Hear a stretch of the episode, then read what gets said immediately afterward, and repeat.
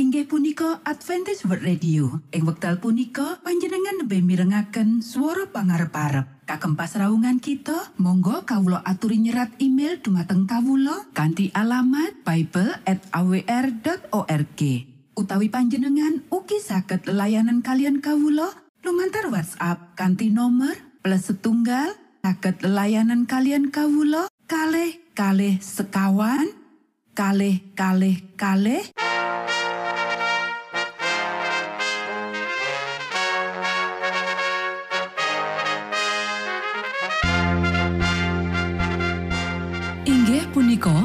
Adventist World Radio ingkang giaran kanti basa Jawi.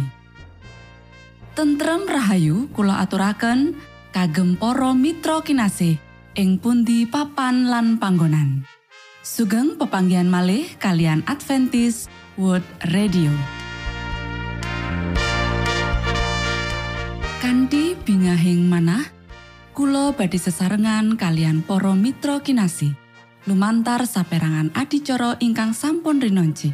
Mligi kagem panjenengan sami. Mugi giaran punika saged migunani tuwin dados berkah kagem kita sedoyo.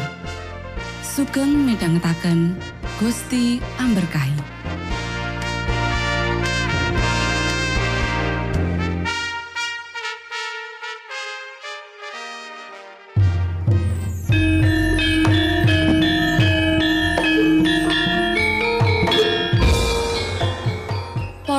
Pamirsa kinasih ing Gusti Yesus Kristus, ing wekdal punika kita badhe sesarengan ing adicara ruang kesehatan ingkang saestu migunani kagem panjenengan saha kita sami.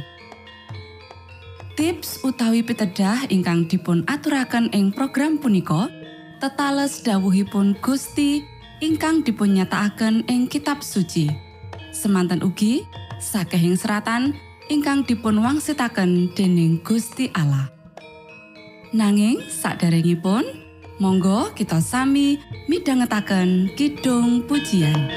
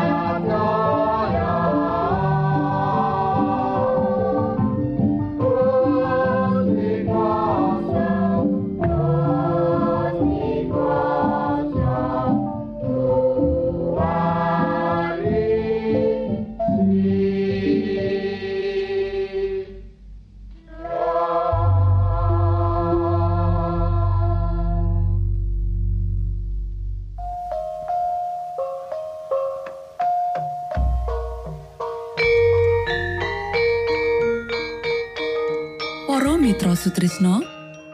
Puji syukur dumateng Gusti ingkang murbeng dumati ingkang sampun kepareng paring wewenngan kagem kita. Satemah saged nglajengaken ruang kesehatan. Pirembakan kita semangke kanthi irah-irahan. Woh-wohan wiji-wijian lan sayuran perangan roti kaping kalih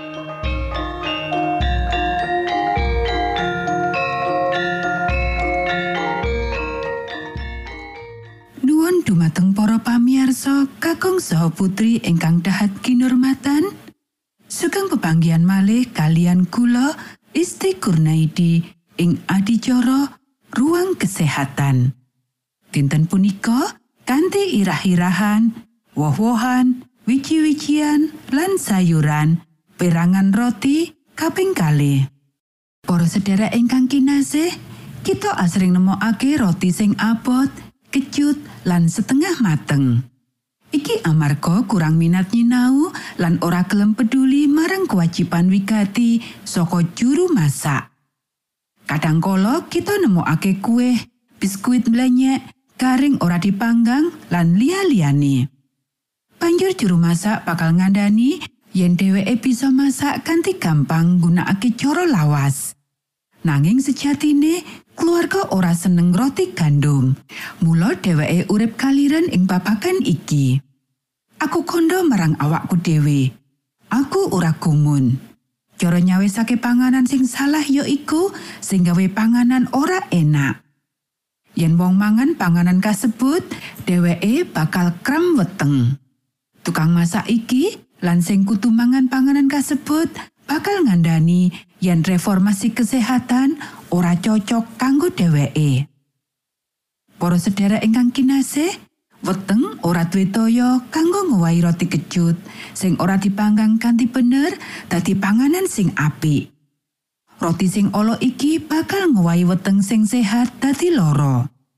Wong sing mangan roti kuwi bakal kekurangan tenaga. Apa iku tutu sebab saka leloro? Sawetara wong iki ngaku dadi reformator kesehatan. Sejatine ora. Dheweke ora ngerti carane masak. Dheweke nyawisake roti, kentang lan roti gandum nanging kanthi cara sing padha, arang-arang kontak ganti lan awak ora dikuatake. Padha mikir yen buang wektu kanggo entuk pengalaman sing temenan kanggo nyawisake panganan sehat sing enak.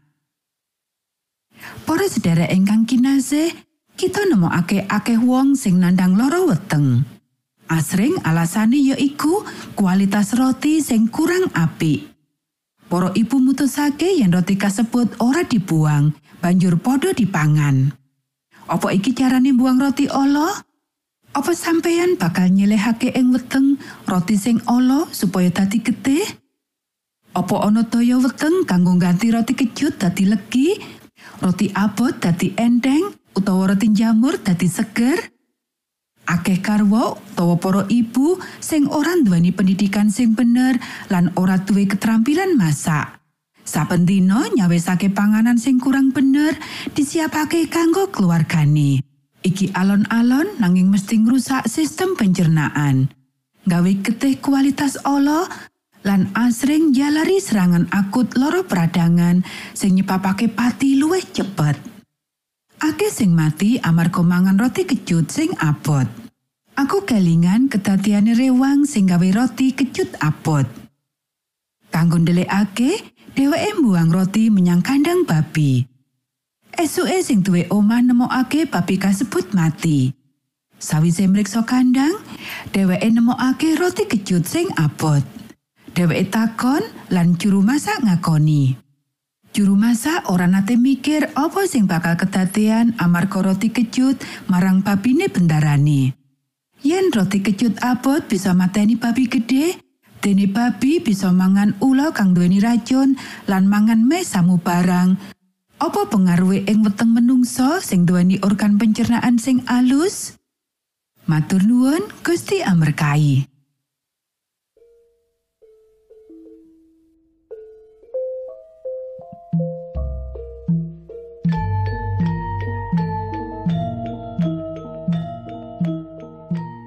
Cekap semanten pimbakan ruang kesehatan ing episode dinten punika. Ugi sampun kuatos jalaran kita badhe pinanggih malih ing episode sak lajengipun.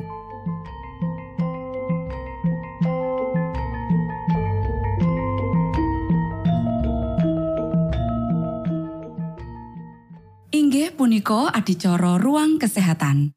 Menawi panjenengan gadah pitakenan utawi ngersakaken katrangan ingkang langkung, monggo kulo aturi. Kinton email dateng alamat ejcawr@ gmail.com utawi lumantar WhatsApp kanti nomor 025 pitu 00 songo songo papat 00 pitu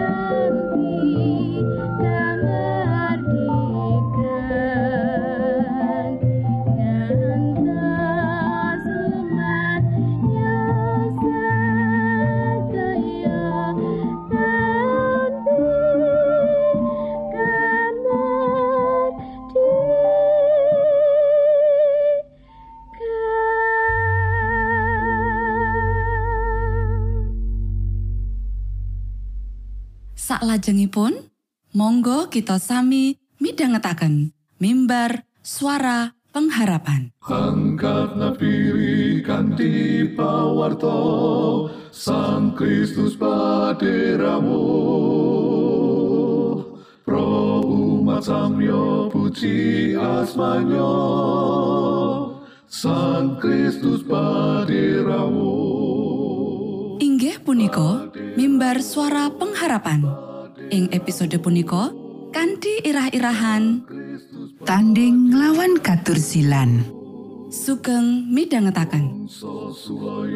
minangka tondo Sang Kristus paderamu Ilmu kawero tambah tambah Sang Kristus paderamu Paderamu Paderamu Sang Kristus paderamu Shalom.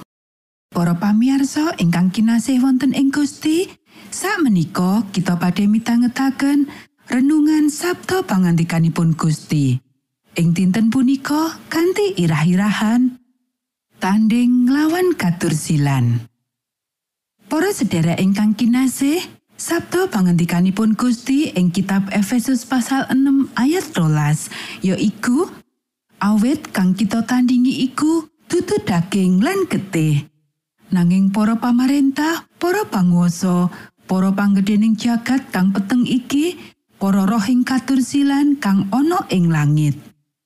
Para sederek, Rasul Paulus nggambarake perjuangane awake dhewe ing kitab Efesus pasal 6 ayat 13 gunakake istilah Yunani pale kanggo persaingan antarane wong gulat.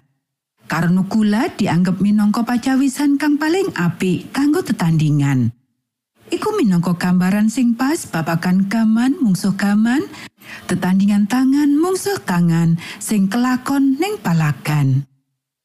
Rasul Paulus nekesake kanyatan perjuangan wong sing padha percaya tetandingan karo kuasane katursilan. Miturut paparan kang gamblang, sadengah jeneng kang kena sinebut ing Efesus pasal siji ayat selikur, para roh ing katursilan kang ana ing langit, Efesus pasal 6 ayat rolas, Rasul Paulus nekesake menawa sakape panguwasa katursilan karo supranatural bakal ditelokake Sang Kristus. Efesus pasal 6 ayat rolas. Nanging sajroning tetandingan apa wae aja nganti ngremehake mungsuh. Rasul Paulus uga ngilingake menawa mungsuhe awake dhewe kuwi dudu mung manungsa nanging para rohing katursilan kang ana ing langit. Sing dipimpin dening senopati kang culika yaiku iblis. Nanging sawetara kita tetep waspada, kita ora usah wedi karo mungsuh kuwi. Gusti Allah bakal rawuh lan manjing karo kita ing palagan iku. Lan Gusti Allah nyawisi prapoting perang lan klambi kerening Gusti Allah dhewe. Sang Kristus nglenggani kayekten tentrem rahayu, iman lan keselamatan sing kita duweni. Uga Roh Kudus. Kanti Gusti Allah ana ing ngarepe awake dhewe lan sikap prapoting perang alas pengadeg, kita mesti ora gagal. Kita bisa waca ing Rom pasal 16 ayat 20, siji Korinta pasal 15 ayat 13 lan 24, lan loro Tesalonika pasal loro ayat 8. Para sedherek ingkang kinasih, pakaryan kita yaiku pakaryan sing agresif lan dadi wadya balani Gusti Yesus sing setia tuhu. Kita kudu nggawa panji sing kutah getih ning bali wertine musuh. Awit kang kita tandingi iku dudu daging lan getih. Nanging para pamarentah, para panguwasa, para panggedhening jagat kang peteng iki, para roh ing katursilan kang ana ing langit. Menawa awake dhewe sarujuk nyeleh prapoting perang iki lan gulung panji sing kutah getih, awake dhewe dadi balane iblis lan kabebasno saka kasangsaran lan rerusuh. Nanging tentrem rahayu iki bakal dipikulahi kanthi kelangan Sang Kristus sing kagungan swarga. kita ora bakal nampani pedamen ing kahanan kaya mangkene iku. Cik Ben, perang, perang nganti pungkasaning jaman, timimbang pedamen lumantar pamurtad lang nanggung dosa. Para sedherek ingkang kinasih, kitab Efesus pasal 6 ayat 10 nganti 20 iki ana gandeng rentenge karo kitab Wahyu. Perangan iki nuduhake wawasan dasar sing padha babagan prastawa pungkasan jaman utawa eskatologi kaya dene motive perang jroning kitab Wahyu. Kita bisa maca ing Wahyu pasal rolas, Wahyu pasal 16 ayat rolas nganti 16, Wahyu pasal 19 ayat pitulas nganti selikur, lan Wahyu pasal rong ayat pitu nganti 10. Karo-karone padha nuduhake umating Allah katempo dening musuh kang ana ing langit lan aktif lan rasa nganti jaman saiki. Karo-karone nuduhake kanggo para umating Gusti Allah supaya mangerteni bab apa sing bakal kelakon ning jaman kang bakal teka. Karo-karone skenario iku kanthi implisit jelasake bab perang pungkasan nalika mungsuh bakal ditelokake sakabehe sakwise iku bakal diatekake jaman anyar maneh kanggo salawase. Jaman anyar ing ngendi kahanane endah mulya umating Gusti Allah sing pungkasan lan pilai musuh kang langgeng bakal kabukten. Matur nuwun, Gusti amberkahi.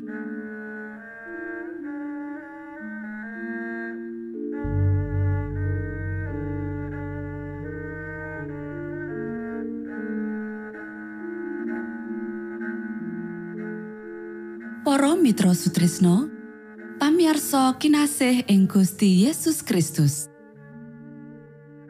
Sampun paripurno pasamuan kita ing dinten punika. Menawi panjenengan gadah pitakenan utawi ngersaakan seri pelajaran Alkitab suara nubuatan Monggo Kulo aturi kintun email dateng alamat ejcawr gmail.com utawi lumantar WhatsApp kanti nomor 025 pitu 00 songo songo papat 00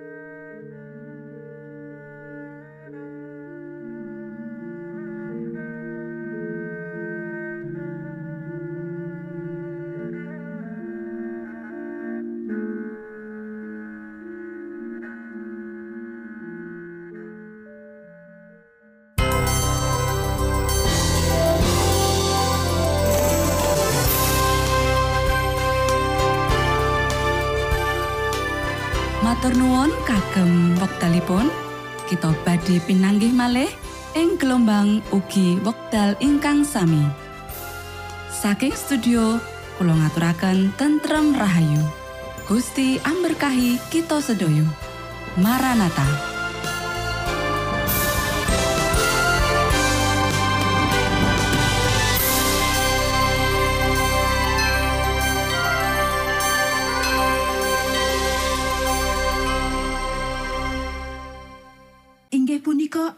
Adventist Radio. Ing wekdal punika panjenengan lebih mirengaken swara pangarep-arep. Kagem pasraungan kita, monggo kawula aturi nyerat email dumateng kawula kanthi alamat bible@awr.org.